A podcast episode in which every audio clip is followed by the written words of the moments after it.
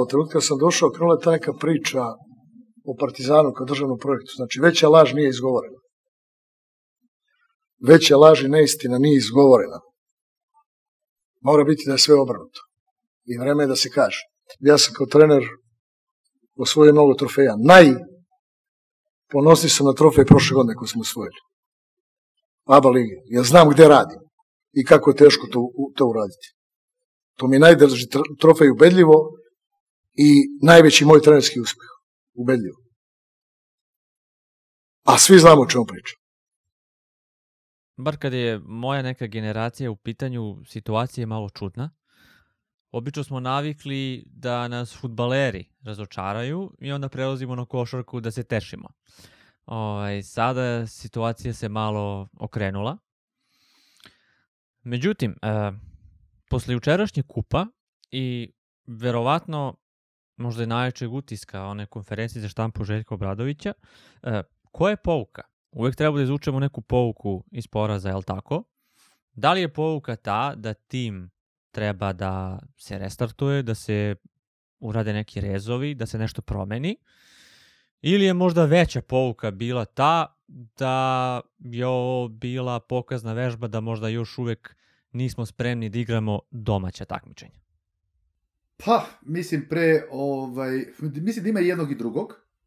Mislim da će uh, morati u nastavku sezone, sad nastupa ono najbitnije, i rasplet u Euroligi i rasplet u, u ABA ligi, uh, jer ipak je to sad puna koncentracija naša treba da bude. Mislim da će morati malo i minuti drugačiji da budu raspodeljeni, a što se domaćih takmičenja tiče, i ja sam lično i dalje stanovišta da Partizan ne treba da igra u domaću srpsku ligu dokle god se neke stvari krucijalno, znači krucijalne stvari ne promene.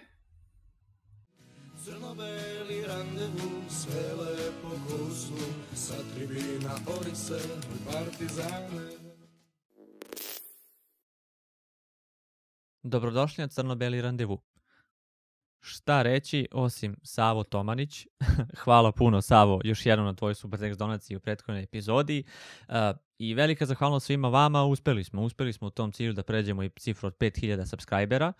Tako da sad ide, idemo dalje. Idemo dalje. Znam da ono ima nas u svakoj epizodi više od tih 5000 koji pogleda, tako da obavezno subscribeujte se, lajkujte video. Vi ste svoje obavili, sad je na nama. Ja sam rekao na 5000 mora da se juri neki gost, tako da u narednom periodu evo ja obećavam da ću dati sve od sebe da, da se to i desi. Uh, zbog ovakve situacije napravit ćemo malo će biti različiti koncept podcasta. Ovaj, čisto košarkaškim delom će se bavim, bavit ćemo se u poslednjem segmentu, uh, pre toga futbalom, ali pre toga Željkom Obradovićem, odnosno onom konferencijom za štampu i, i mislim da je to stvarno bio najveći utisak, tako da, da ćemo fokus baciti na to. Uh, idemo čuje odma, znači završen je kup, konferencija Željka Obradovića, uh, sve onako što do tada on uh, nije, da kažem nekako je on uvijao sve nešto što je govorio, ovako sinoć je govorio dosta jasno i eto recimo mi smo, mi smo pričali, ja sam možda to čak i malo drugačije shvatio tebe, tebe su neke njegove reči posebno zabrinule.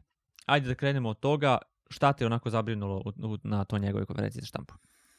Pa evo da pojasnimo, ovaj, sinoć, znači juče je bila subota, uveče finale Kupa Koraća i ta preskonferencija, mi ove nedelje rano popodne kad mi ovo snimamo, ovaj, upravo smo saznali još i neke stvari ovako iz medija, pa ćemo to posle nadograditi verujem na, na ovo što, što, što si ti pomenuo, to je njegova, sadržaj njegove preskonferencije. Mene je zabrinulo to što je on po prvi put uh, pomenuo uh, neke stvari u smislu da on se možda približio njegovim limitima i da će morati dobro da razmisli o svemu i to je rekao onako s jednim izrazom lica i jednim tonom koji je mene ovako dosta zabrinuo. I smatram da bi svi navijači Partizana trebalo da se zabrinu zbog toga i da svako učini ono što je u, u njegovom domenu.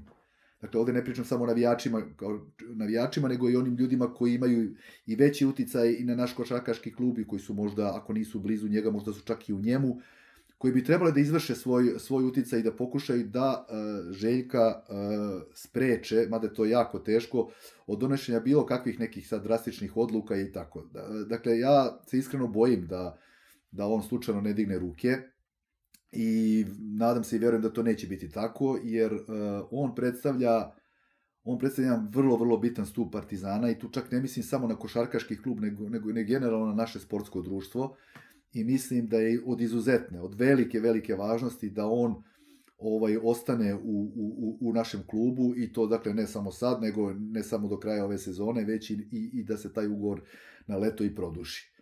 Dakle, mnogo, on je mnogo više od trenera, on je neko ko nama uh, svojim prisustvom, svojim aktivnim prisustvom i sudjelovanjem u toj nekoj sportskoj košarkaškoj priči daje jednu veliku dozu sigurnosti za, za vremena koja dolaze. Tako da uh, apelujem, eto, ovaj naš podcast se i gleda, dosta ga ljudi gleda i komentariše, da svako ko je u situaciji da na, na bilo koji način ovaj, može da utiče na njega, da pokuša da to uradi, jako je to jako teško, znamo koliko je on svoj, ali da, da mu slučajno ne pada na pamet da, da povlači bilo kakve drastične odluke. Znači, on je bio juče razočaran, bio je razočaran mnogim stvarima, neke stvari je pomenuo, ali to onako samo ovlaš, nije ulazio u dubinu nekih problema, ali kažem, znači, Željko Obradović je jako, jako bitan kao čovek, kao pojedinac za košarkaški klub Partizana, rekao bih i za celo sportsko naše društvo. Ma Tako da. da, da samo se nadam da je to juče bilo ipak malo onako, što se kaže, ona, ona vruće glave i, i iako on nije rekao ništa drastično i konkretno u tom smislu, ali samo da znači, se okrene znači, nekim pozitivnim stvarima, mislim da zna koliko ga navijači Partizana svi vole. I kažem, mislim, to potpuno je nebitno, on, on, je, on je toliko bitan za, za sve nas u, u ovom trenutku i ovim vremenima i ovde gde živimo, da uopšte je potpuno je sporedno da li on kao trener je možda napravio jednu, drugu ili treću grešku u prethodnih mesec, dva, tri ili, ili, ili, ili dve i po godine koliko je već ovde kod nas. Tako da, da kažem, znači, mnogo je bitan, mnogo je bitno da nastavi svoju priču i da nastavi da se bori i, i jednostavno verujem da će se to i desiti i da ćemo i ove sezone imati na kraju uspeha, a i da ćemo sa njim Eh, sa njegovim aktivnim učešćem i doprinosom imati uspeha i u godinama koje su pred nama. Kako ne? E, ono što je on naglasio, a to je da on kada je dolazio u Partizan e, nije obećavao nikakve trofeje, što ja mislim je i logično. Jako je to stvarno teško, nekada jedna lopta odluči, nekada dobar dan, loš dan, tako dalje. Nego je rekao da je jedino njegovo neko obećanje bilo da će on dati sve od sebe da Partizan postane stalni član Evrolige. Tako da ću, ovaj, pošto Partizan to još uvek nije, ja mislim da ne može on da ide. Nema tu vrdanja. Razumeš? Da, pa dobro. Jel tako? Svi se, svi se, tome, svi se tome nadamo. Ovaj, I mene to na kraju ohrabrilo i na neki način to može da se shvati možda i kao nagoveštaj nečega što će se uskoro desiti. Ovaj, želim da verujem kao navijač Partizana eh, da, da sam pogodio kad to kažem. A kad su u pitanju trofeja, ja moram ti kažem, on je svoj naj, najvažniji mogući trofej. Yes. Dakle, i tu je on, ovaj, pazi, mislim, to što, su, što mi nismo prve godine osvojili ABA ligu, znamo šta se dešavalo i šta se sve dešavalo u toj finalnoj seriji. I pored svega to toga, Partizan je bio, izvini, bio na jednu loptu. Znači, bila je peta utakmica, ispražnjena dvorana, Tako. rezultat nerešen, koliko par minuta pred kraja. I eto, oni su pogodili tako. neke dve trojke, ako se ja sećam, i to od nekih igrači koji tako. nisu, ovaj, jel tako, od kojih ne bi očekivao da će se pogode, mi nismo pogodili, i eto. Tako je. Odlučujuće, da li su im odlučili, ja se jako dobro sećam, odlučujuće dve trojke su im dali bukvalno njihovi sporedni igrači, to su bili ovaj, kako se zove, uh, Marković. Marković, ja mislim, yes. I drugu, ne, ne, i drugu jako bitnu trojku, kad se lomilo sve, je dao ovaj uh, Amerikanac, ovaj Beli Amerikanac, uh, Beck. Moguće. Zabori kako se zove, ima, ima jako mekan šut, posle bio pa na Tenaikosu. Bero, Nebitno, nije ali, Bero. Znači, ne, ne, ne, ne, Bero, Bero je ranije otišao od njih. Ovaj, kako se zove, zaboravi. Zaboravi, nije ni bitno. Nebitno je, nebitno je, u svakom slučaju, dobro si to rekao, sve je bilo na loptu, a i video si šta se dešavalo u toj petoj šta se dešavalo dok je bilo gledalaca u hali, kako su time da. izazvali određenu promenu i sudijskih kriterijuma, a seti se i šta je bilo u prvoj utakmici, seti se onih uh, slobodnih bacanja Lesora. Tako, tako je, poništeno. Znači, svega je bilo i on je bio na loptu. I onda je osvojio u drugoj sezoni, osvojio je ovaj, uh, najvažniji mogući trofej, ABA ligu, kad je Partizan posljednji put pre toga osvojio ABA ligu, to je bilo 2014. godine, jel? Tako. Znači, posle punih 10 godina.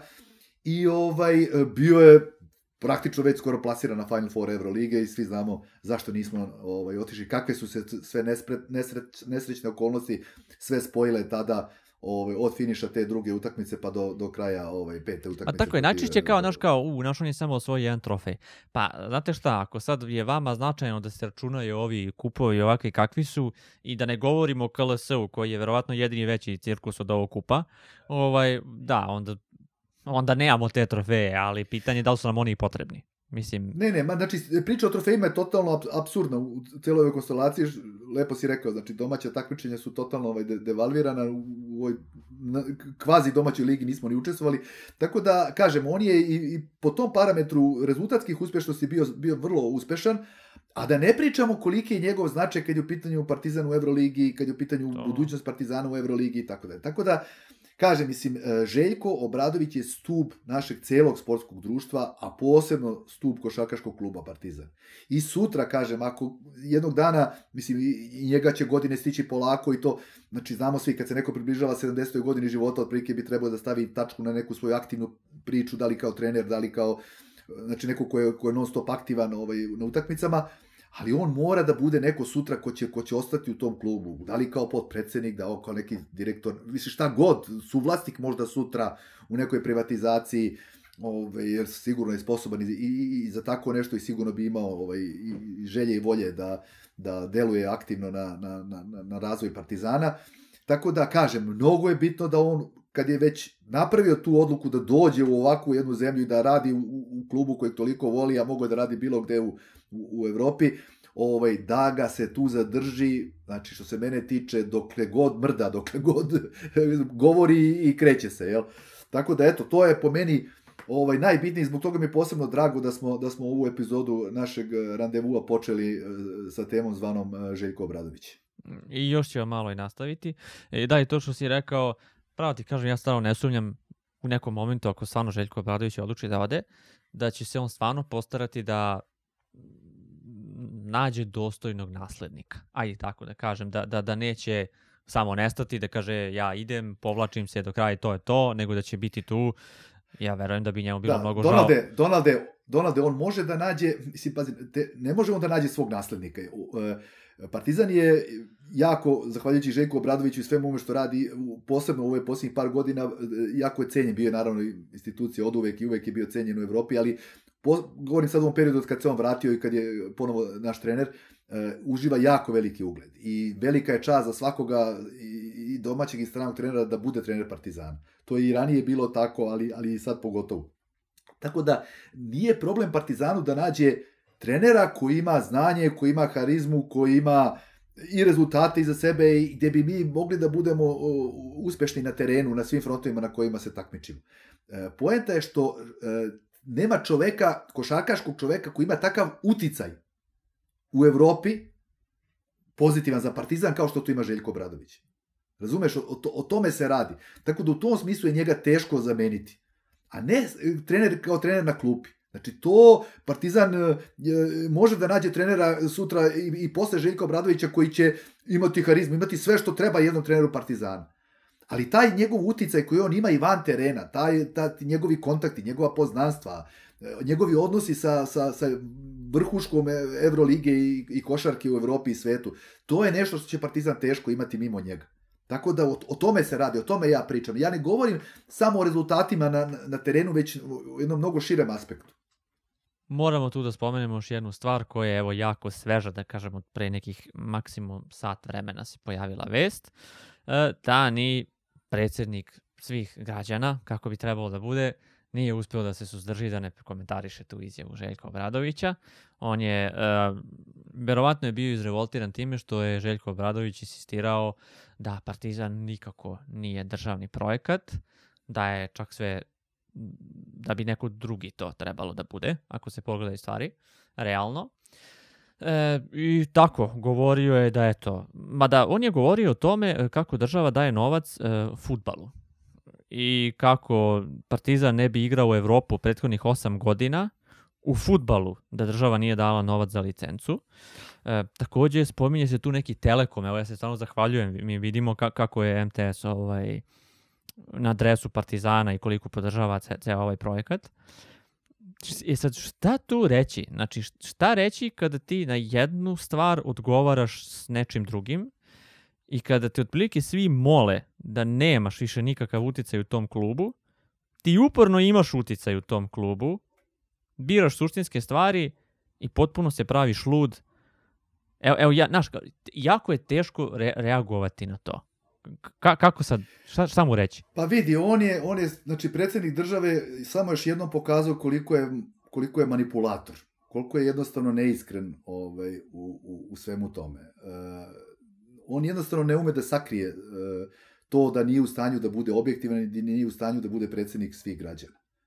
Znači, on se nenormalno upliče u sport, generalno se, znači, godinama već unazad nenormalno upliče u sport i pritom stalno iz njega izbija ta, ta njegova navijačka ostrašćenost.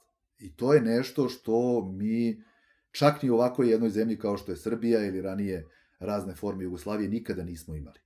To je nešto što je zaista, znači, jednostavno je za neverovanje. Znači, bilo ko sa strane ko, ko dođe i posmatra situaciju u srpskom sportu i vidi kako se on direktno meša u, u, i to navijački opredeljen u odnose dva, dva najveća sportska kolektiva u ovoj zemlji, ovaj, to ne može da ne zaključi vrlo brzo i ne može tome ne može čudu da se načudi, da, da je to moguće u 2024. godini u jednoj državi u Evropi. Uh, kažem da je veš manipulator iz prostog razloga što jasno je šta je Željko Obradović juče na svoj, u svojoj izjavi hteo da kaže, kad je pominjao tu formulaciju državni projekat. Znači, hteo je da kaže da mi to nismo u poređenju sa konkurentom. Znači, stalno se radi o tom nekom poređenju. A Tako, izvini neko... samo sekundu, nikada nije rekao da nama država ništa nije pomogla. Znači, on je Tako uvek je. i zahvalio Tako se i rekao jeste, yes. ali prosto da. suština kaže Tako nije je. većina, nije... Dakle, ključ je, ključ je u tom poređenju, u toj vagi, ili, ili nečo što bi trebalo da liči na vagu i to ispravnu vagu, znači vagu koja Znači, ne vagu gde su napred zna na koji će stranu da pretegne. A kod nas je to, to slučaj. I to je poenta u svemu. Znači, kad je on rekao ko je državni projekat, ko nije, onda je to tako mora da se shvati. Znači, uporedimo ulaganja države, ako pričamo o košarkaškom sportu, u košarkaški klub Partizan i u konkurentski košarkaški klub Crvena zvezda. I to je ono što je Željko rekao. Znači, mi nismo privilegovani u košarci. Mi u košarci ni malo nismo privilegovani i mi imamo u košarci izvore prihoda izvore prihoda koje košarkaški klub Crvena zvezda nema. Dva vrlo bitna izvora prihoda, to su prihodi od navijača, i kad tu kažemo navijača, tu ne mislim samo na sezonske ulaznice, gde navijači Partizana M su brojni sa tim sezonskim ulaznicama, M plaćaju znatno skuplje cene tih karata. Dakle, mnogo više i procentalno i nominalno doprinose budžetu Partizana nego što navijači e, Crvene zvezde doprinose procentalno budžetu svog kluba. Dakle, reč je o e, tome, da ne pričam sad o, o novcu koji navijači Partizana daju kroz druge stvari, kroz kupovinu reklamnih artikala i svega ostalo, jer, jer, jer tu je Partizan u košarkaška sekcija vrlo jaka i vrlo kvalitetno radi taj takozvani merchandising. Ma znači, čuo koliko je samo puno... sipano para, izvini onu akciju koju nismo bili ni sigurni koliko je ok prošle godine za skupljanje poreza, bukvalno su ljudi sipali ono Tako, pare. Znači... To je treće, to je, sad, to je sad treće što ovo. I postoji još nešto, ja sam to naglašavao više puta, što imaš u košarkaškom klubu Partizan kada su financije u pitanju, a što nemaš u košarkaškom klubu CRZ, a to su lična privatna ulaganja ljudi, znači davanja novca ljudi koji sede u upravnom odboru. Partizan ima nekolicinu ljudi u upravnom odboru koji daju svoj novac za funkcionisanje košarkaškog kluba Partizan. Jedan od redkih, recimo, koji ne daje e, svoj novac je Saša Pavlović. Ali i Saša Pavlović, koji, kome, se, kome Partizan dugovo i duguje značaj, značajan novac za, za, za sezone u kojem je igrao u Partizanu i koji, je, koji se odrekao bukvalno tog novca. Dakle, on je i time dao svoj novac, razumeš? A da ne pričamo o tome što je neko kao što je Saša Pavlović bitan imenom i prezimenom samo da tu stoji, znači ne mora nikad ništa ni da daje. Dakle, ti imaš sijaset ljudi u upravnom odboru, jakih ljudi, znači u finansijskom smislu, u ekonomskom smislu, koji novac svoj, znači novac svojih kompanija daju ovaj, za, za dobrobit eh, košarkaškog kluba Partizan. Dakle, kad sabereš ta četiri izvora, znači rekli smo ono što su dali za ulaznice, za merchandising, navijači, eh, za porez što su dali i za novac koji, koji daju ljudi i pojedinci iz uprave, ti imaš košarkaški klub Partizan koji ni izbliza e, se ne finansira u toliko procentno od strane države kao što je to slučaj od strane Crvene zvezde. I to je ono što je Željko rekao, znači ne može Partizan da se smatra državnim projektom. Država više daje košarkaškom klubu Crvena zvezda nego košarkaškom klubu Partizan. I to je tako svake godine, nekad je drastičnije, nekad je ta razlika manja i svih ovih godina, znači pričamo sada o, samo o godinama od kad je Željko tu, a o prethodnim godinama, o tome nećemo ni da pričamo. To, to je nešto što je sada van svake diskusije. Dakle, i svim ovim godinama u kojima znači, Željko tu, u kojoj je Partizan prošle godine igrao top 8 Evrolige i bio na korak do Final Fora. Evo imamo i ove sezone situaciju u elitnoj e, Evroligi gde Crvena zvezda gotovo i da nema više šanse da, da, da uđe ne u 8 nego u 10, a Partizan i dalje ima realne šanse da tu bude. Dakle, Partizan je e, manje dobio pomoći od države i nominalno, a da ne pričam procentualno, nego što je to dobila Crvena zvezda. Ma izvini, on, znači, on tu spominje neki Telekom, znači kome je Telekom glavni sponsor, uh, ko ono deli sezonske karte ako potpišeš za, za njihovog provajdera, a kome nije produžen ugovor. Mislim, o čemu, o čemu mi dalje pričamo? Ja stvarno ne znam. Glede, ali pazi, ali ovo sad idemo, sad moramo da idemo i korak dalje. Dakle, košarka kao košarka, Crvena zvezda je više novca dobija i nominalno, a pogotovo procentualno kada se uporede budžeti, znači vlastiti budžeti, nego što to dobija košarkaški klub Partizan.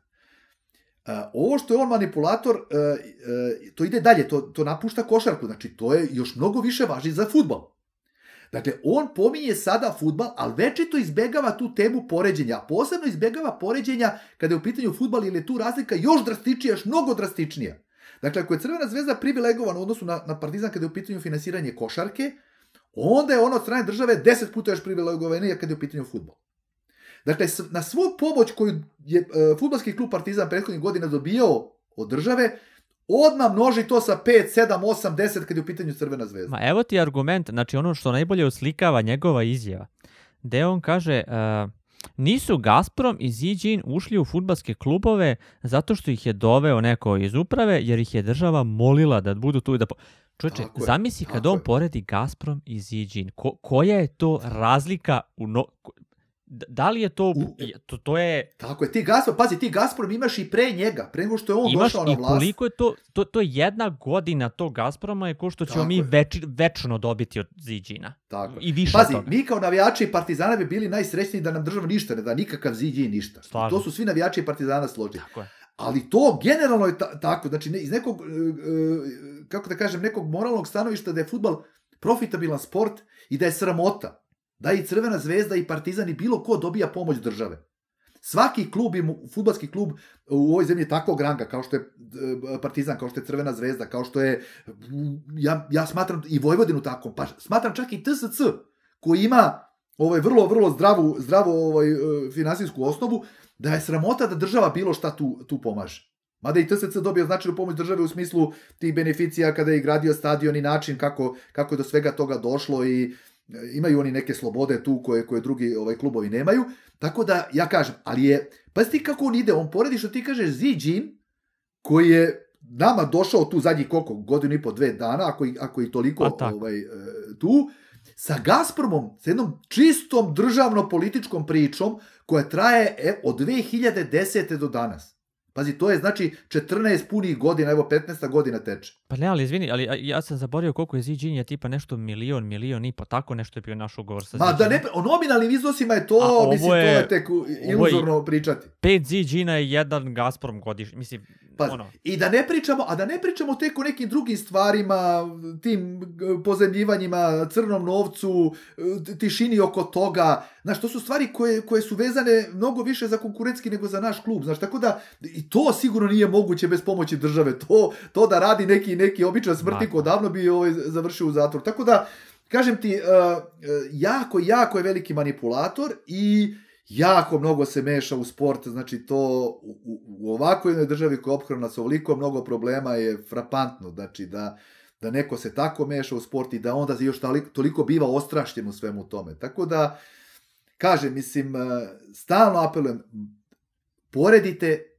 i kad poredite, nemojte porediti jabuke i kruške, nego daj da napravimo poređenja i daj da odvojimo ta poređenja, iako su jedno i drugo negativno za nas, da se pokaže da postoji razlika i u košarci, a da postoji jeziva, ogromna razlika u futbolu. I to bi stalno, to je ono na šta, na šta je apelovo i Željko Obradović. Znači, što ti kažeš, nije niko rekao da nama država nije pomogla, ali nam je pomogla i to je činjenica mnogo manje nego, nego, nego večitom rivalu. A u granicama to je, nešto to je što je normalno. Svega. Mislim, Da. E, evo, ali, evo, ću za, za kraj ovog segmenta, evo, pošto je to građan, ovaj, predsjednik svih nas, evo, ja mogu u svoje ime da ga zamolim, da se više ne meša, da nam više ne pomaže, i evo, ako je moguće, za mene bi bilo lepo, na primjer, ne moraju baš uvek svi predstavnici klubova i najuticajniji ljudi da budu iz te stranke. Možda da vidimo, možda ima šanse neko drugi nešto tu da uradi, možda neki sportista, možda Eto, na, na primjer, pa da vidimo onda ako se taj ne snađe i onda ako su jedini stručni kadrovi tamo, nije problem. Onda neka bude. Ali, jer ja stvarno ne znam, ovo, ovo prelazi... Ne, ne, ne, ne znam, ne, ne znam šta više da komentarišem. Čovjek je stvarno... Iznervirao sam se. Užas, užas, kažem, ali eto, nadam se da smo sad ovaj, rekli sve ono što je... Mislim, pazi, ovo su neoborive činjenice, ovo nije sada... E, mi jesmo navijački, ono što se kaže podcast i sigurno smo i navijački ostrašćeni, ovo, znaš, ali ovo su stvari koje su jednostavno, znaš, crno na belo, dokazive, to, to jednostavno nije, nije ovaj, znaš, ovo ne može zdrav mozak da opovrgne. Pa kako ti nema možeš ovaj- da opovrgneš, kako ti možeš da opovrgneš sve ovo što smo mi rekli? Znači, to, to je nemoguće opovrgnuti, to je potpuno nebitno za koga navijaš. Pa ne, pa i ti vidiš, znači on odgovara Željku Bradoviću na e, košarku, on mu odgovara nekim su, suludim stvarima iz futbala koje opet nisu tačne. Kako ti To E, je, ali pazi, to ide na futbol gde je da razlika još mnogo drastičnija pa da. na našu štetu. Znači, mnogo drastičnije na našu štetu. Ali ovo, podržao bi ovo što ti kažeš. Daj, majke, ti ne, nek prestani da pomažeš, a prestani da pomažeš najbolje jednima i drugima.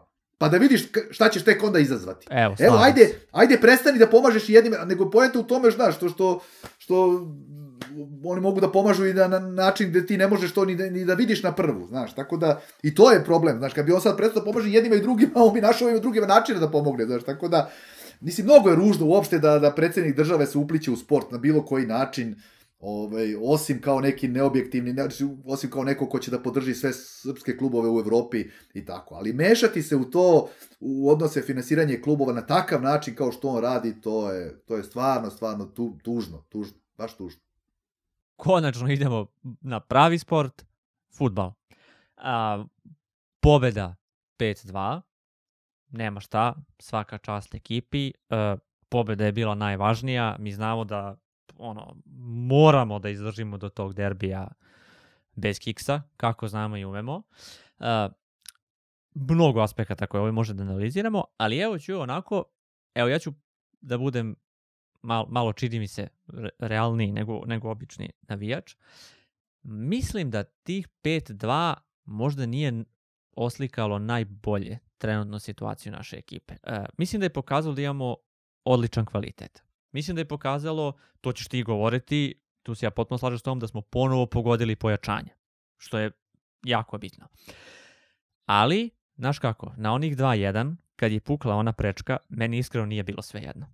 To ću ti kažem, ka, kako ti se činilo ovako igra tokom cijele utakmice, čini mi se kao nastavak e, prošle polusezone gde Partizan jako voli da se kocka s rezultatom.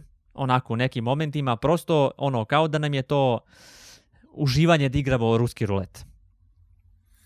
Složio bi se potpuno sa tobom i ne bi nikako smeli da dozvolimo, kad kažem mi, tu mislim na, na one koji odlučuju u futbolskom klubu, konkretno znači na, na ljude iz sportskog sektora, na stručni štab, na, na, naravno na šefa struke Igora Duljaja, ovaj, nikako ne bi smeli da dozvolimo da nas ovih tri razlike na kraju, ova, ova rezultatski ubedljiva pobeda zavara u smislu da kažemo super, tri razlike, ubedljiva pobeda, ovaj, i kao super sve. Nije sve super, Uh, jeste lepo kada pobediš tri razlike, ali moramo da konstatujemo da smo i četvrti i peti gol dali u samom finišu i da je bilo pre toga drhtanje, iako smo imali igrača više.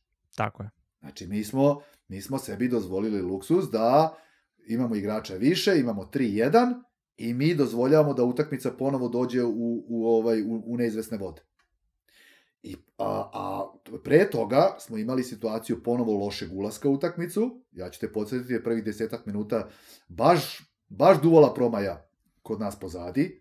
Od prve sekunde, znači od prvog napada, naj, prvi opasan napad je usledio od strani IMT-a, mislim da je bio prvi ili drugi minut već. I bili smo dosta, dosta tamo nezgodni, ovaj, ne, ne, ne, nedovoljno koncentrisani u, u, u defanzivi, bilo je tu i nekih nerazumljivih grešaka individualnih, Tako da ova utakmica zaista ima dosta da se analizira iz, iz svakog ugla.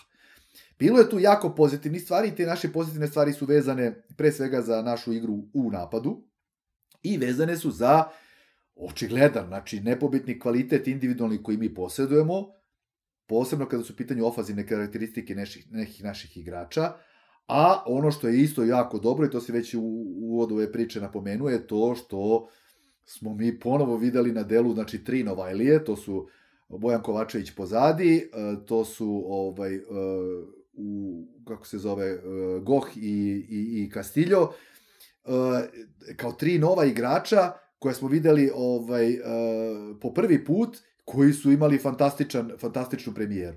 E, stvarno, Sva izvini, tri su ali... imali tu premijeru završili s golom.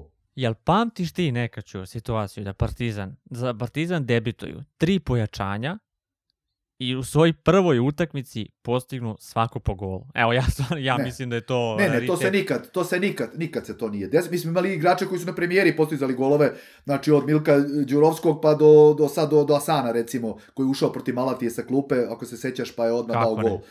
Ovaj, znači, pojedince, da, pojedince smo imali, a možda smo imali čak i dvojicu, ali da su tri igrača, znači na svoje premijeri dali gol, to, to se sigurno nije desilo.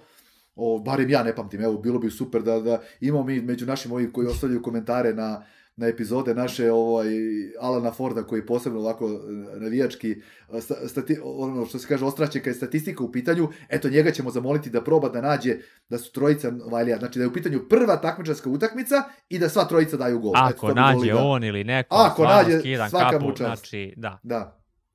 Ali ne, mislim da se, da se, ja mislim, barem koliko ja pamtim, a dosta pamtim, ta, tako nešto ne pamtim. Tako da, kažem, to su jako pozitivne stvari, ovaj, uh, ali kažem, ovo je utakmica bila miks svega i svačega, pozitivnog i negativnog. Mi smo imali čak i u jednom jedinom igraču od najnegativnijih do najpozitivnijih stvari, uh, govorimo o Vusu. O Vusu je po meni bio jako loš prvo polovreme. On je sebi dozvolio luksus čak u jednom trenutku da u roku od 15 sekundi napravi dve kardinalne greške, jednu na centru terena, a onda u povlačenju ispred 16 terca, koje su, koje su obe mogle da, da, da, da budu baš katastrofalne za Partizan i da primimo gol. Ono u onda se popravio. Onda, se, onda se u drugom, da, onda se u drugom polovremenu popravio. I onda je bivao bolji, sigurniji na lopti, uh, razigraniji, znači jednostavno je odisao sve većim samopouzdanjem kako je utakmica tekla. Tako da, kažem, bit će ovde ovaj, svašta za analizu. Mislim da će ova utakmica zahtevati od našeg stručnog štaba baš onako, da, oni su uvek bave naravno utakmicom koja je iza nas, da ukažu na neke dobre i negativne stvari, tako da će ovde biti sijaset nekih dobrih stvari koje, na koje će se ukazati igračima i sijaset nekih negativnih stvari. Ko ti od Novajlija ostavio najbolji utisak od ove trojice? Pa da ti kažem, Bojan, Bojan Kovačević je bio malo rezervisan, e, uglavnom je odigravao tu iz prve i neka bilo je neka najsigurnija, najmanje rizična rešenja, ali to je i normalno. To je normalno, on igra na takvoj poziciji gde očekujem ga slobodnijeg u, u, u nastavku sezone, očekujem da će više igrati tih nekih rizičnih pasova, da će, da će se još više priključivati kod prekida napred i to, tako da mislim da je za njegovu premijeru i bez gola datog, jer to nije u opisu njegovog posla, ovo je samo jedan veliki plus, mislim da smo u njegu dobili jednog odličnog odbrmenog igrača, koji je takve konstitucije da će biti jako koristan i u prekidima, kako u, u ofazivnom, tako i u defazivnom, pre svega u defazivnom prekidu, tako da, da sa njim sam sasvim zadovoljan s obzirom da je ovo prva njegova utakmica i dobro je što je u takmičarskoj formi, evo sad će ovaj, da ide ponovo u Surdolicu, bio je nedavno u Surdolici sa, sa Žukaričkim, dakle u punoj takmičarskoj formi i taj momak će nam sigurno puno značiti. Što se tiče Kastilja, vrlo sam, vrlo sam prijatno iznenađen. Takođe. Vidi se da on ima ovaj to njegove ima te duge poluge i to, ali je vrlo onako e, raspoložen, vrlo je sposoban da, da se zagradi, da uzme loptu i videli smo da ima razoran udarac. To smo videli u, u, ne samo kod gola, nego i pre toga ovaj, u par navrata, tako da vrlo interesantan igrač, baš onako, daš, e, bojim se da, da kako bude teklo vreme i kako on bude dobio minute i, i bude pokazivao na terenu to što može, da će nam sve žalije biti što nije naš igrač, nego je pozemljen. Mm. Tako da eto, nadam se, znaš, nadam se da će tako da, ali opet da što bude bolje igrao, nekako su manje šanse da ga Šahter od leta ne vrati, znaš, tako da, ajde, ajde, ovaj, neka on samo daje ovako svoj doprinos uh, dobrim igrama i, i, i rezultatima Partizana i bit će to dobro, makar kratkoročno ovako kad je u pitanju ova prolećna sezona. A što se tiče Goha, Tu sam veoma zadovoljan i e, mislim da smo dobili novog Asana. Reći ću to odmah posle ovih e, 45 ili minuta ili koliko je već igrao. Manje u stvari igrao, Manje. nije igrao ovaj, ce- celo polovreme. Ovaj, dobili smo jednu radilicu, jednog brzanca, jednog igrača koji nervira svojom upornošću protivničke igrače i nekog ko e, odrađuje i defazivne zadatke, koji ne zaboravlja da se vrati, da pomogne svom saigraču koji je iza njega. Tako da, kaže, mislim, na, najkreće bi njega opisao kao novog Asana kog smo dobili. Znači, Tako misliš da, da- je, da- Mi, misliš da je hitar, da nije brz, jel to? da, da, da. Da. Tako, e, parafrazirao bi e, Dragi Šupinića. Mislim da će biti slično, uspešno, hitar, a ne brz, kao što je bio ovaj Asan. Tako Takođe- da apelujem samo da, da njega takvog plaćamo redovno, da mu se ne duguje, da ne bi imali i sa njim sudbinu Asana, ne dao Bog. Ej, da stvarno, ja možda kažem takođe, on me, on me oduševio, ovaj, mislim da će biti pravi, ali najveće iznenađenje je bio taj Castillo. Ja iskreno tu nisam očekivao, ja sam mislio, onako, on je tu malo da, da se razigra za šahtor i tako dalje, poznam što su rekli da neće biti praktično mogućnosti otkupa, ali on deluje onako kao da, da bi Boga bi mogao u nekom periodu da bude i, i u standardnih, u standardnih 11. Znaš šta je bilo jako lepo posle utakmice kada već spominješ i Kastilja i, i ovaj Goha? Mm. Bilo je interesantno što su jednog i drugog čekali, ovaj, nisu su narodnici, ali recimo Kastilja je sačekao, on je prošao, pa su e, tražili ljudi da se slikaju sa njim. Ja sam baš tu izašao sa njim zajedno i onda se našao tu naši čovek koji izvanredno priča španski, ima neku vezu na, na, na- u Ekvadoru, da li, da li je bio boravio tamo, nisam sad u, u, u razgovoru njega i, i Kastilja uspeo to da, da ovaj, saznam u krajnjoj liniji, ne znam ni španski jezik, ali sam vidio da se Castillo oduševio što je mogu da priča s nekim ko je vrlo, očigledno, vrlo blizak Ekvadoru, taj naš čovek, da li navijač ili šta je, nebitno je, tako da se zadržao tu, ono što se kaže, baš mu je prijalo da, da priča s tim čovekom, a u, tu su bili i korejanci, južnokorejanci koji, znači zemljaci ovaj Goha, tako da je njemu prijalo tu da, da od njih dobije ovaj podršku, imali su i korejsku zastavu, mislim da je i sam Goh na, na klubskom sajtu pričao nešto na tu temu, tako da je to jako lepo i to pomaže našim tim Novajlijama, našim pridošlicama da se što bolje i što brže uklope u sredinu kao što je fudbalski klub Partizan. Tako da, kažem, to su neke jako pozitivne stvari da se ti momci ovaj e, vrlo brzo i dobro prihvate I ovaj kažem, mislim, očekujem samo lepe trenutke ovaj koji će nam priuštiti i njih dvojica, a i ove druge Novajlije, pa i ove Novajlije koji su bili letosa, koji su sad već se aklimatizovali ovde. Ovaj to su neke najpozitivnije stvari ovaj vezane trenutno za za našu fudbalsku ekipu. E, Ej, ču, imam stvar e, oko penala, oko penala za nas. E, prvo pitanje je ovako kako ti se činila ta odluka da, da, da bude dosuđen penal za Partizan. Meni ovako čini se da zaista jeste bio penal, ali da je zaista možda i bilo nemoguće u, u realnom vremenu reagovati, da je onako stvarno kada gledaš samo na ponovljenom snimku da se vidi taj neki mali neprirodan položaj ruke.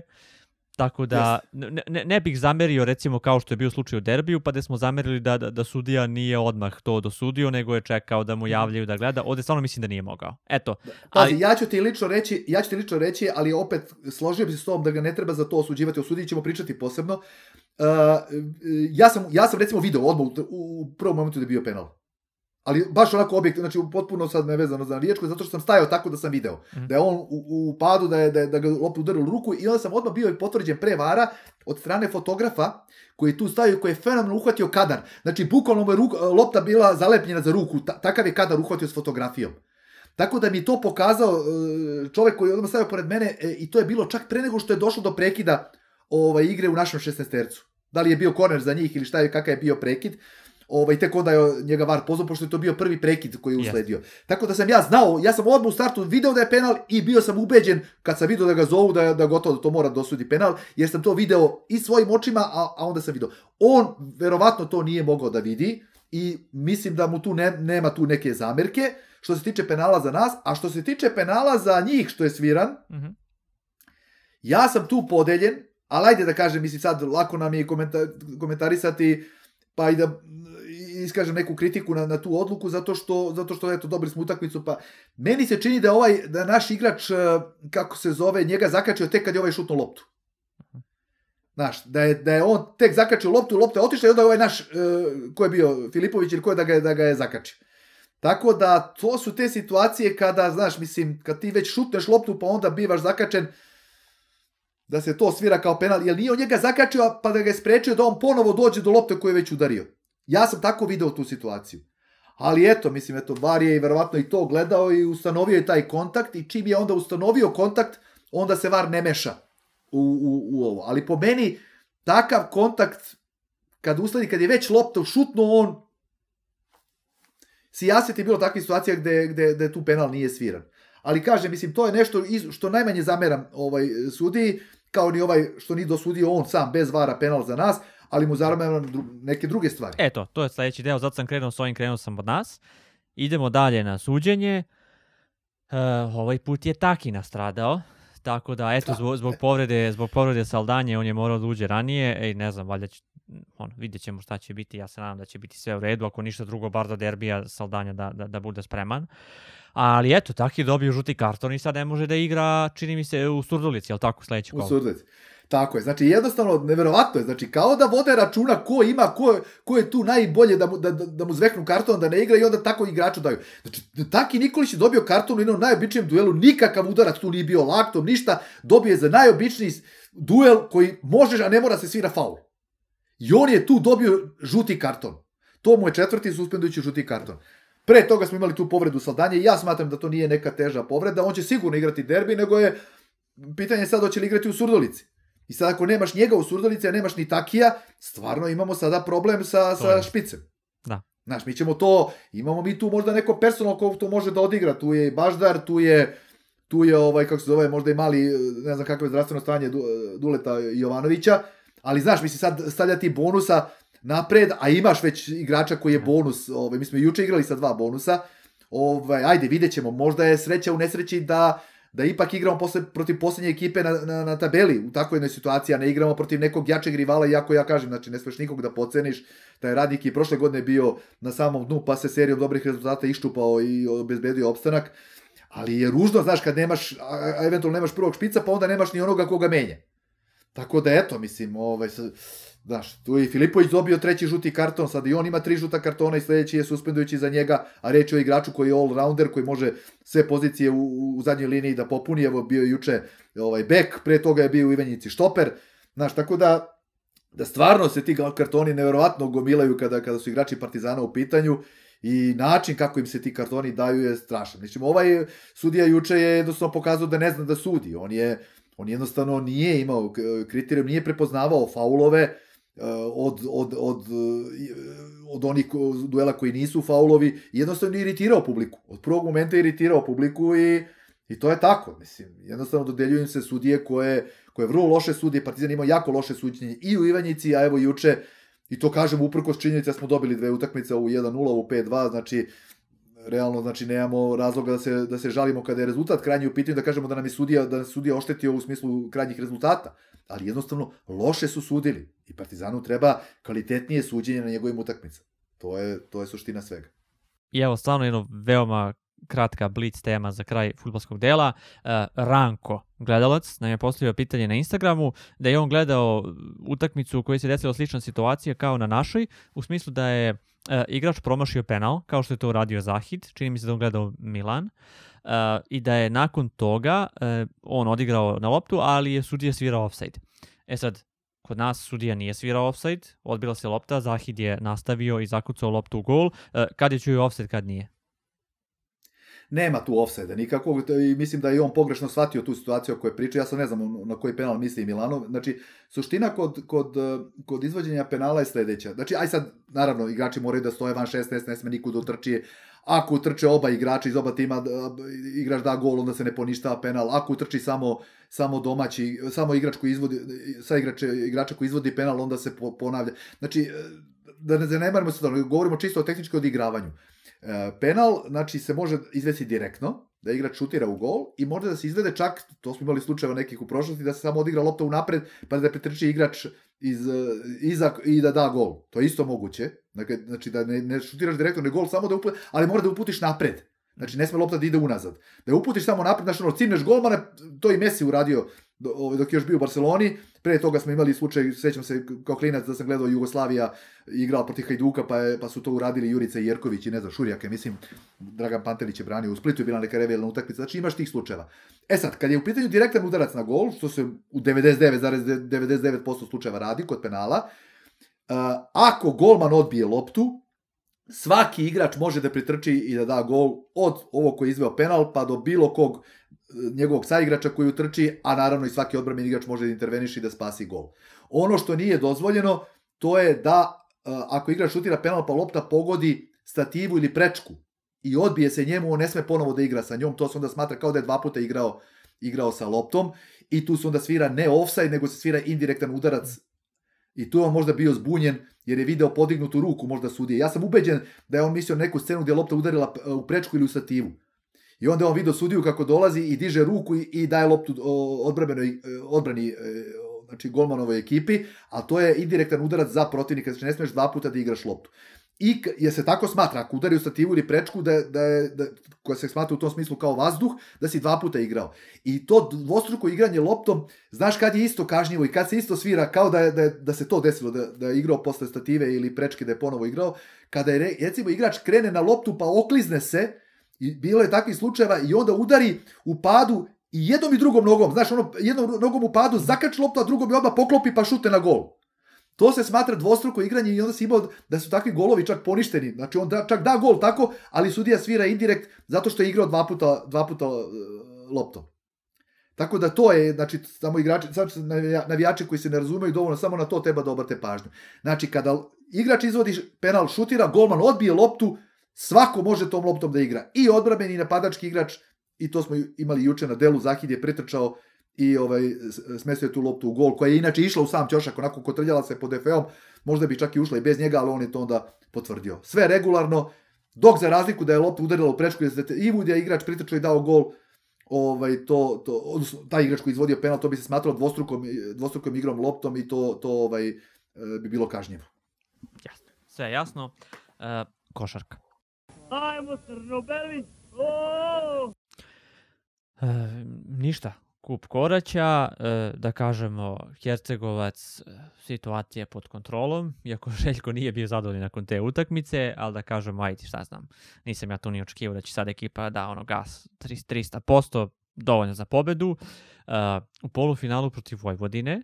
Ja moram da priznam da sam ja čak i prognozirao da će Vojvodina da izbaci, da izbaci Megu i boga mi verovatno će ta Vojvodina se da pokuša da bude ABA ligaš u sledećoj godini, vidjet ćemo koliko je to realno, ali da kažemo opet, naravno, malo neke mukice na početku, ali na kraju suverena jedna pobjeda bez većih problema. I finale.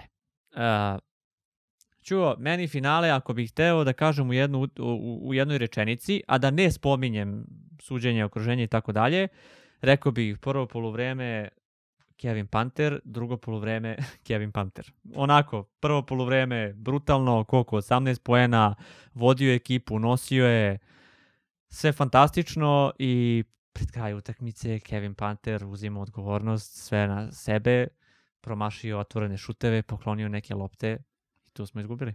Evo, to je onako meni u najkraćem. Jeste, ja prvo moram da pohvalim Zeka Ledeja. Fantastično. Znači, ipak mi to prvi, prvi okay, odličnu da. utakmicu odigrao, sve ga je išlo. Šest trojke, ja mislim mnogo, da je da, ako ne i više. Je, še, mislim da sam, e, poslao sam ti statistiku, mislim da je šest iz osam, mm -hmm. šest od osam, da je, da je šutirao, ali generalno znači odigrao je jako dobru utakmicu, vrlo je delovao uvereno i mnogo me to raduje jer on je baš bio u krizi, znaš, imao je ovaj nije do sada imao zadovoljavajuću sezonu i mnogo nam fali njegov učinak iz prošle sezone. Pa eto, ako u, u tom eh, porazu ovaj, ima nečeg pozitivnog, onda je to ovaj njegovo izdanje, jer on će nam trebati sada u nastavku u Euroligi i u tim završnim i najbitnijim obračunima kada je u pitanju ABA liga, tako da da je to nešto što raduje. Što se Kevina Pantera tiče, lepo si rekao. Znači ima jedno sjajno prvo poluvreme i onda jednostavno u drugom poluvremenu se sve negativno nekako ovaj, spojilo. Uh, da ti kažem, on je imao par nekih promašaja i pre uh, toga što ćemo posebno dopišemo to u finišu utakmice.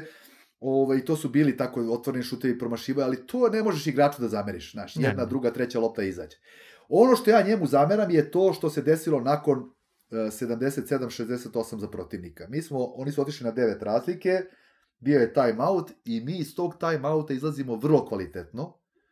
Dajemo 6 poena u, u seriji, znači imali smo prvo Dožera 77-70, pa 77-72, pa Aleksa krade loptu 77-74.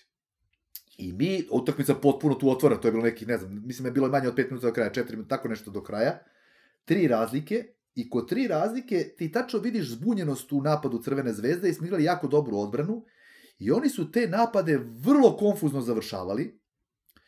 Znači, i mi onda imamo jedan ishitren šut Pantera, drugi ishitren šut Pantera i na treću odbranu uspešnu i dalje tri razlike za njih, samo tri razlike, jedan posed, Panter koji daje direktno loptu, srlja, zasrlja, ide u, u, pod reket, baca loptu njima u ruke, oni iz kontre 1 na 0 daju, daju ovaj koš i odlaze na pet razlike i tu je, nije ni tad utakmica bila gotova, ali je bila tad već to oseta prednost, jer je to onda već bilo manje od 3 minuta do kraja, nije naravno ni to gotovo, ali je to potpuno drugačija situacija u ovu odnosu na situaciju koju bi imali da smo jedan od ta tri napada. Posle tako dobro odigrane i kvalitetne tri odbrane ovaj, realizovali i prišli ili na minus 1 ili na trojkom došli do, do izjednačenja. Ja Kevina Pantera ne mogu da okrivim ni u, toj, ni u tom rasponu 77, 74 do 79, 74 na ta dva omašena šuta, jer to je jednostavno nešto što se dešava i najboljim igračima. Ovaj jedan mu je, ovaj, ovaj, ovaj drugi šut, mislim, sa polu distance bukvalno iscurela iz obruča, znači vrti se u obruču, izađe, to je stvarno peh. Ali mu i tekako zameram na ovom trećem, ovo što je dao u ruke njima loptu. Znači, ako si već imao tako dve nesreće, a pre toga si i celo drugo poreme imao 3-4 promašaja pre toga, nemoj, ba, makar su u tom trećem napadu ti skloni sa strane. Pusti nekog drugog da završi. Nemoj ti da ideš da ti odlučuješ da ti odigraš neku ključnu asistenciju eh, kad si već eh, imao te, te promaše u šutu. Nemoj to da radiš. Znači, moraš da se, s jedne strane je dobro kad neko preuzme odgovornost, kad se ne boji i ne libi iz toga da preuzme odgovornost, ali s druge strane moraš da prepoznaš neki moment da, sta, da staneš, malo kažeš, čekaj, evo sad neko drugi. Tanka je linija. Znaš, tanka je linija uzimanja odgovornosti, vrlo je hrabrosti i ludosti. Ovaj... Vrlo je tanka i sad mi smo imali prošle sezone u više navrata da on tu takvu liniju i prešao, ali je prešao uspešno. I onda je bio heroj.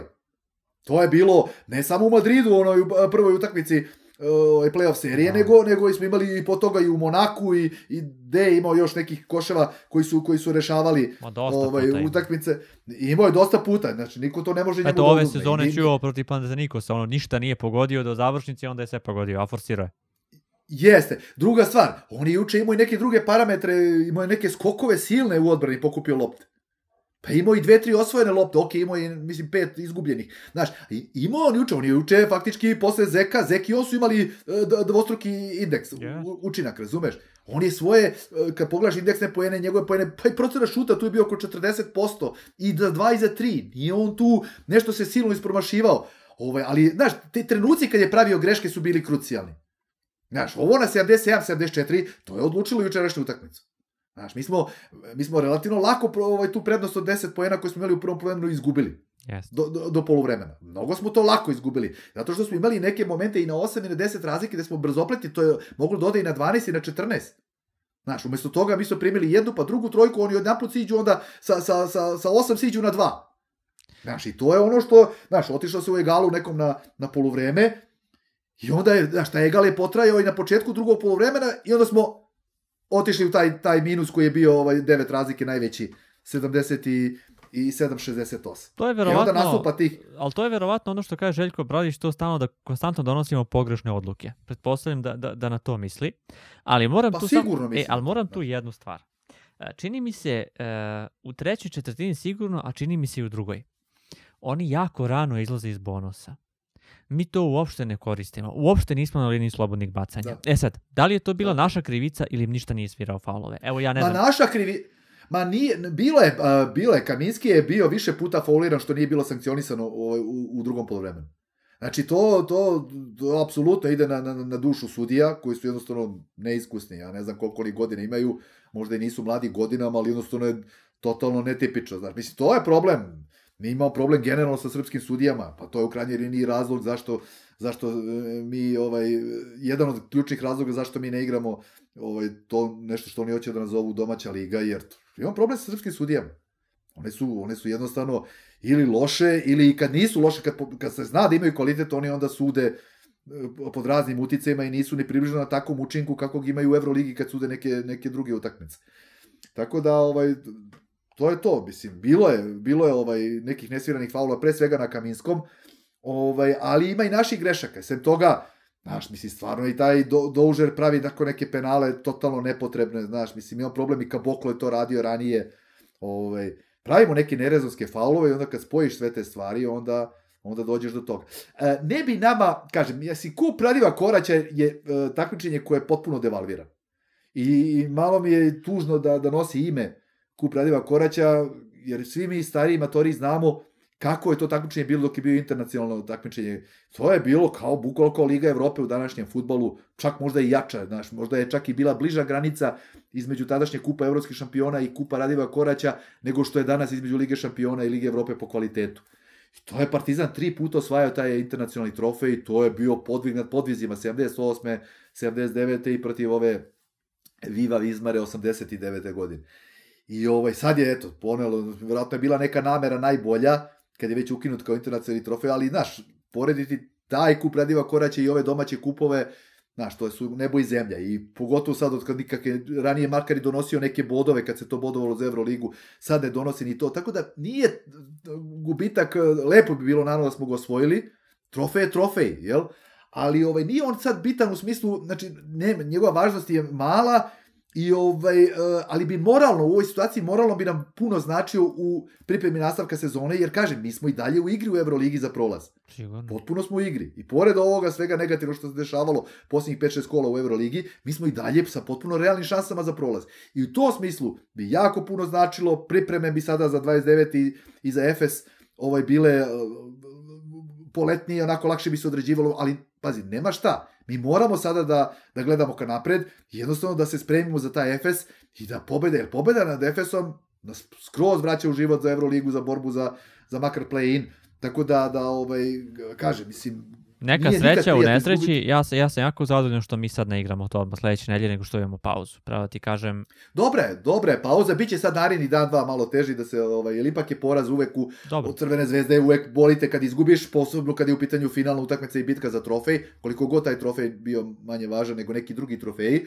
tako da ovaj, danas sutra mora to da se, da se preboli, Ove, ali će onda priprema, imat ćemo onda seriju treninga i to priprema 29. će brzo, sutra je koji je sutra, 19. jel? sutra 19. Znači imamo 10 dana, 10 dana vremena da se pripremimo za taj Efes. Efes koji je u naletu, Efes koji još nije ispao iz borbe, on ima 11 pobjeda, isto kao i, i Milano i Žalgiris i Bayern. Oni su svi dalje, e, imaju nade da, gaje nade da će se plasirati makar u play-in, makar na devetu ili desetu poziciju, tako da biće jako teška utakmica i ja samo se nadam, želim i verujem da će navijači Partizana, bez obzira što su sigurno razočarani, ovaj, da smo izgubili ovo finale Kupa Radvija Koraća, da će ispuniti i, i protiv Efesa arenu do, do, do posljednjeg mesta i da ćemo slaviti tu toliko bitnu i, i, i vrednu pobedu. Biće pravi ispit to protiv Efesa, pravo da ti kažem, ovo je kako će biti Hoće. arena ispunjena. Baš će biti pravi ovaj. Ja, ja verujem da hoće. Ja verujem da hoće, ovaj, ali očekujem te neke pozitivne signale u smislu u smislu ovaj potvrde Željka da, da tu nastavlja da se bori onako kako se borio i do sada. I ovaj, mislim da će se da je 10 dana dovoljno vremena da se kvalitetno istrenira i da se stvori jedna pozitivna, nova pozitivna energija i da će navijači ovaj, biti uz košarkaški klub, jer ipak je košarkaški klub, da tako kaže, mezimče. Mezimče ovaj, navijača Partizana zbog svega svih zasluga iz prošlosti, tako da verujem da će arena biti puna i prepuna i da će biti jako dobra atmosfera protiv Efesa i nadam se i verujem da ćemo pobediti. Uh, sad je ono kao, posle poraza nije toliko interesantno, ali ajde samo da spomenemo, meni su bili prelepi ovi dresovi specijalni za kup, tako da možda u nekim Jeste. narednim godinama da imamo malo te prugaste ne bi bilo loše, šta misliš? Pa ne bi bilo, sad, ajde, sad će svi vezati to za, za gubitak finala, te dresove i to. To je A, slična priča kao kad si neke bolne poraze, a mnogo bolnije u, u Evropi, recimo, ili šta znam, u, u futbolu doživljavu nekim određenim Mhm. dresovima, pa si sad alergičan na takve dresove, ali, ali ovaj, generalno lepe, baš lepe. Ja ne znam sad kakve su te propozicije Evrolige, da li možemo u njima da igramo. Stalno je bilo nešto priče kako ne možemo da igramo, ali opet imali smo neke druge prugaste dresove drugih Da. klubova koji su igrali. Što se mene tiče, ja, ja bi apsolutno volao da igramo i ovakvim dresovima u Euroligi. Ovi lepi su, baš su lepi. Čak ovako sa, u crnoj kombinaciji sa crnim šorcevima i crnim ovim crnom, crnim leđima, jo- još lepši su mi nego ovi beli. Tako da, eto, verujem i nadam se da možemo. Sad ne znam samo da li, da li propozicije dozvoljavaju, ali ako dozvoljavaju, ja bih volao da igram u njima. Ne moramo uvek, ali što češće. slažem se. Eto, uh, Čuo, hoćemo tu da stanemo za ovaj podcast. Evo, ja, mislim, ja sa spiska sam se ovaj, skinuo, imaš li ti još nešto da dodaš? Pa nema, bilo su, kažem, samo te dve utakmice, faktički vredne komentarisanja finale kupa u košarci, odnosno utakmica protiv, protiv ovaj, uh, IMT-a u futbolu. Tako da, eto, gledamo sad u napred, košarka, košarka, košarke neće biti ovaj, u narednih sedam dana, ali će biti utakmica bitna u Surdulici, tako da bit će vjerojatno i neki eho na ove izjave Željka Obradovića i na predsjednika države koji se obrušio na, na to što je Željko rekao. Tako da eto, bit će sigurno ovaj sadržaja, bogatog sadržaja i za neku narednu epizodu koju spremamo za sledeći vikend. To je to. Hvala vam puno na gledanju. Ukoliko vam se dopala epizoda, obavezno lajkujte video, subscribeujte se na kanal i vidimo se u sledećoj epizodi. E, vidimo se u sledećoj epizodi. Samo da kažem da se utakmica u Surdulici, ako još nije o- objavljeno na medijima, igra u subotu, e, to je 24. februar, početak je u 13.45. Prelepo. Izvini, pozdrava. ej, čuva, potvrđen derbi 9. mart. A? Ili jeste? Tako 9. sam- mart, super je datum, super E. je datum, mislim da je i satnica 17 časova potvrđena, Jeste. tako da eto i to znamo. Vidjet ćemo samo između, između ovaj, Surdulice i derbija još kad će se igrati protiv ovaj, železničara, ali to ćemo na vreme javiti. Pozdrav. Puno pozdrava svim navijačima Partizana. Ćao.